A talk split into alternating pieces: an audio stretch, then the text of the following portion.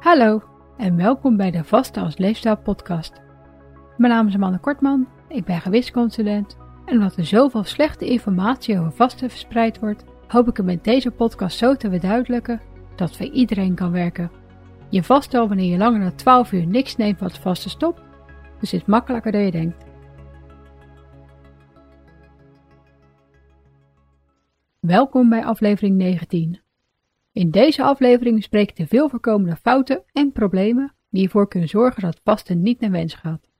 De meeste zullen je ondertussen wel bekend voorkomen, maar ik voeg ze in deze aflevering allemaal samen zodat je een handige samenvatting hebt. De eerste 2 tot 3 maanden dat je vast, zal alles natuurlijk nog niet helemaal naar wens gaan, zodat je er nog fysiek en mentaal aan moet wennen. Vast is voor de meeste van ons nou eenmaal een grote verandering. Het is echt niet erg als je het heel rustig opbouwt, zoals ik in aflevering 6 bespreek. Een half uur per week opbouwen betekent nog altijd twee uur langer vasten per maand. En voor het weet zit je op twee maaltijden per dag. Als dat tenminste je doel is. Het 12-12 of het 14-10 zijn zoveel beter dan het 8-16 of 10-14 dat velen nu doen. Geef je lichaam minimaal 12 uur de tijd om het eten van de vorige dag te verwerken. En het liefst nog een paar uurtjes extra, zodat het zelfherstellende vermogen genaamd autofagie ook verhoogt. Autofagie bespreek ik uitgebreid in aflevering 15, mocht je dit nog een keer willen terugluisteren. De eerste maanden krijgen de meeste last van de gewenningsfase. En deze kan behoorlijk pittig zijn. Ik bespreek deze in aflevering 9 en het komt er kort gezegd op neer dat je lichaam weer metabolisch flexibel wordt. Dit overlevingsmechanisme zorgt ervoor dat je lichaam makkelijker kan wisselen tussen de verbranding van de glucosevoorraad in je lever en van je lichaamsvetvoorraad. In het begin gaat het nog niet helemaal lekker dat je lichaam dit verleerd is. Het kan daardoor een aantal klachten geven, zoals hoofdpijn, moeidheid en honger. Zolang je goed vast, leert je lichaam dit gelukkig weer binnen een week. En heb je hooguit op het moment dat het wisselt even een hongergevoel, wat zelfs langer duurt dan een paar minuten. Trek het hongergevoel dan een half uur nog niet weg en wordt alleen maar sterker? Ga dan gewoon eten, want dan heeft je lichaam die dag schijnbaar meer nodig. Goed vasten is en blijft het punt waar de meeste problemen zich voordoen. Niet iedereen vast op de manier die ik aanraad. En boter in de koffie en bouillon tijdens de vasttijd worden nog vaak gebruikt als hulpmiddelen. Helaas maken die het vasten juist moeilijker dat het hele vastproces gestopt wordt. Je lichaam verlaagt de autofagie tenslotte als het denkt dat er voedsel aankomt. En de smaak activeren ook nog eens een hongerreactie, waardoor je tijdens je vastheid juist hongerig zult blijven. Luister afleveringen 15 en 17 nog een keer als je niet meer precies weet hoe dit werkt. Ook als je wel goed vast, kunnen er makkelijk foutjes in sluipen. Als je bijvoorbeeld een nieuw supplement neemt wat toevoegingen bevat die de vaste stoppen, of doordat de koffie op je werk toch toevoegingen zoals smaakstoffen bevat. Veel automatenthee bevat ook meer dan thee. En als je ergens thee of koffie koopt, weet je al helemaal niet wat erin zit. Weet je zeker dat je koffie en thee niks extra's bevatten? Maar gaat het vaste toch niet helemaal naar wens? Sta dan bij stil dat bruiswater en echte thee en koffie zonder toevoegingen er bij sommigen toch voor zorgen dat ze honger krijgen. Zelf krijg ik honger van thee en heb ik het gevoel dat koffie met cafeïne mijn vastheid ook moeilijker maakt. Dus ik ben overgegaan op alleen water, bruiswater en cafeïnevrije koffie tijdens mijn vasttijd. Door het heb ik de cafeïneboost toch niet meer nodig, dus ik mis het niet eens. Sommige merken bruiswater, thee en koffie kunnen ook beter werken dan andere. Als je echt niet zonder kunt, dan kan je daarmee experimenteren. Let er ook op dat je voldoende drinkt tijdens je vasttijd. Honger en dorst kunnen tenslotte heel erg op elkaar lijken. Maar te veel drinken zorgt ervoor dat je te veel zout uitplast. En daar kan je ook hongerig door worden.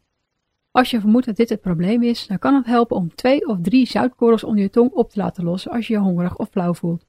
En om dan de zoute smaak weg te spoelen met een glaasje water. Vaak knap je daar weer van op. En om terug te komen op de hongerreactie, let erop dat alles wat je ziet, ruikt en hoort deze ook kan activeren. Vermijd dus naar voedselruikende geurkaarsen en vraag je naast om een beetje rekening met je te houden om niet naast je te gaan snacken tijdens je vasttijd, zodat je in ieder geval voorbij de gewenningsfase bent. Wanneer je vast kan ook een verschil maken. Veel vasten eten smiddags en of s avonds, maar misschien is jouw ideale eettijd wel s ochtends. Ook daar kan je mee experimenteren. Goed eten is het volgende punt dat voor problemen kan zorgen. De meeste vasters gaan vanzelf gezonder en naar behoefte eten. Dit bespreek ik ook in aflevering 11. Maar dit wil niet zeggen dat dit bij iedereen gebeurt. Een simpele tip is om stapje voor stapje ongezonde keuzes te vervangen voor gezondere. Denk hierbij aan volkorenbrood in plaats van witbrood. Neem liever een kipfiletje dan een kipsnietseltje. En vervang je vlees ook eens voor eieren of pulvruchten. Je kan ook experimenteren met verschillende recepten en met de verhoudingen van de macrovoedingsstoffen, koolhydraten, eiwitten en vetten. Ook als je wel al gezond eet, dan kan je lichaam gewoon periodes hebben waarin het meer behoefte heeft aan een bepaalde soort voeding.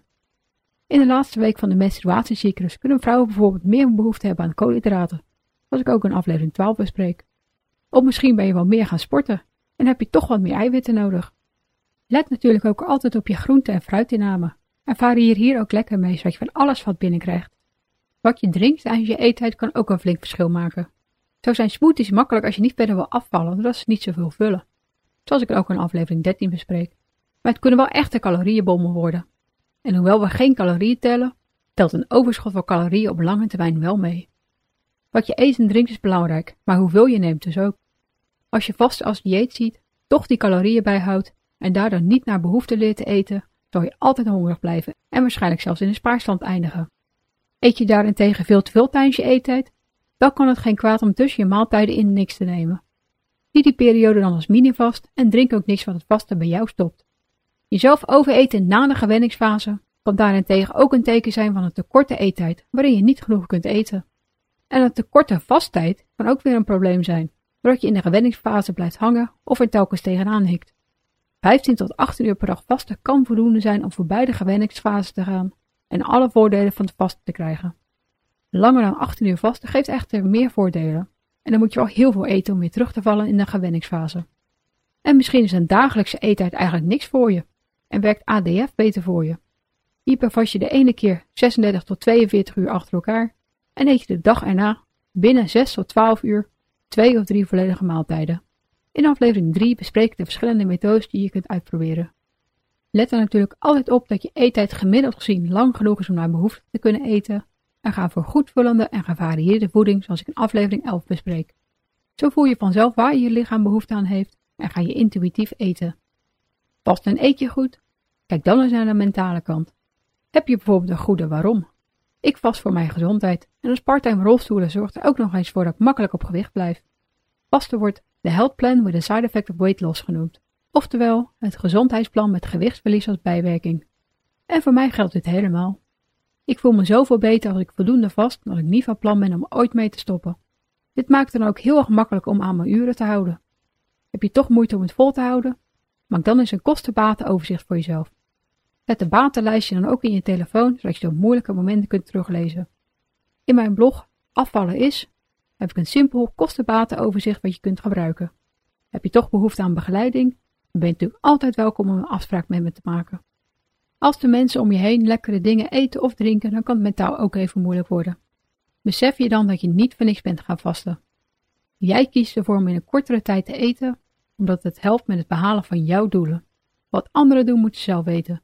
Jij kiest voor jouw gezondheid en zodra het jouw tijd is om te eten, dan kan je genieten van alles waar je dan behoefte aan hebt.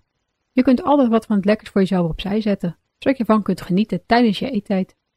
Het laatste mentale gedeelte wat ik natuurlijk weer even wil bespreken is stress. Stress is voor velen de saboteur van hun doelen. En het is nou eenmaal erg makkelijk om je vastschema te laten versloffen in stressvolle periodes. Pas is natuurlijk ook een stressor, zoals ik ook in aflevering 15 bespreek. Maar een beetje stress maakt je juist sterker. Wees je daarom altijd bewust van je stressniveau. Werk er bewust aan om te voorkomen dat stressors chronisch worden. En zie vasten als datgene wat je de stressvolle periodes heen sleept. Zolang je niet overdrijft met je vastheid, zal je stressniveau er op lange termijn juist door dalen. Vast heeft tenslotte genoeg mentale voordelen die je kunt terugluisteren in aflevering 18. Zo zal je niet alleen beter voelen door de verhoogde BDNF, maar ook door bijvoorbeeld de versimpelde manier van leven. Gaat alles goed, maar zie je geen resultaat? Vergeet dan niet dat de weegschaal vooral voor vasters onbetrouwbaar is, omdat hij intern eerst het een en ander kan genezen voordat de getalletjes van je weegschaal of zelfs je meetlint lager worden. Bij sommige vasten duurt het wel een half jaar voordat de getallen omlaag gaan. En als je net een streng dieet hebt gevolgd, misschien nog wel langer. En kom je eerst nog aan ook. Maak daarom ook maandelijks foto's van jezelf in telkens dezelfde strakke outfit en houdingen en vergelijk die met elkaar. Laat ze ook eens aan de naaste zien als jij geen verschil ziet, want het is makkelijk om jezelf verkeerd te zien. Ga ook na of je geen verschil voelt. Heb je bijvoorbeeld meer energie of misschien wat minder dagelijkse pijntjes? Ik merkte de eerste maand niet veel, maar kon wel mijn darmmedicatie halveren, dus ik wist dat in ieder geval wat gebeurde. Pas je vooral om af te vallen, maar kan het resultaat langer duren als je een ziekte hebt of medicatie gebruikt die ervoor zorgt dat je aankomt. En dan kan het zijn dat vast alleen maar helpt om ervoor te zorgen dat je in ieder geval niet verder aankomt. Vrouwen die in de overgang zijn, vallen ook moeizamer af. En als je bijvoorbeeld net geopereerd bent, kan je lichaam zich eerst op herstel richten en daarna pas op de rest. Wees daarom geduldig en verwacht geen snelle resultaten.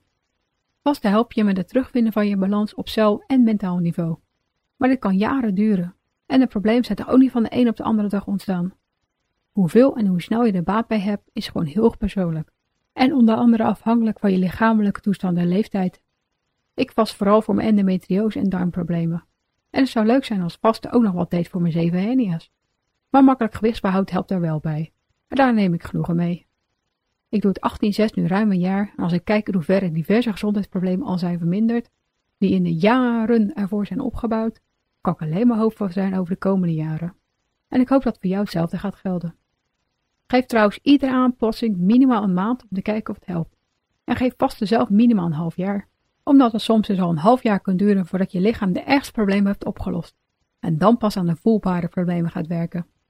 Er zijn, zoals je net hoorde, genoeg aanpassingen die je kunt proberen, als vast in de eerste instantie niet lijkt te werken. Ik had het makkelijk dat ik niet hoefde af te vallen, en dan wist dat mijn ontbijt overslaan het beste zou werken, doordat ik al jaren laat ontbeet. Maar sommigen moeten echt van alles uitproberen voordat ze hun ritme gevonden hebben. Houd trouwens ook een lijstje bij van alle veranderingen die je doet en die je in je lichaam voelt. Het is makkelijk om iets te vergeten als het haast ongemerkt verandert. Ik hoop dat de diverse onderwerpen die ik besproken heb je verder op weg helpen als vast en niet naar wens gaat. Als ik nog wat gemist heb, dan hoor ik dat graag. In aflevering 20 bespreek ik tips voor iedereen die in ploegendiensten werkt. Vooral de wisselende schema's kunnen erg lastig zijn. En ik heb er al een paar vragen over gehad. Heb jij nog specifieke vragen? Kan je me altijd appen of mailen.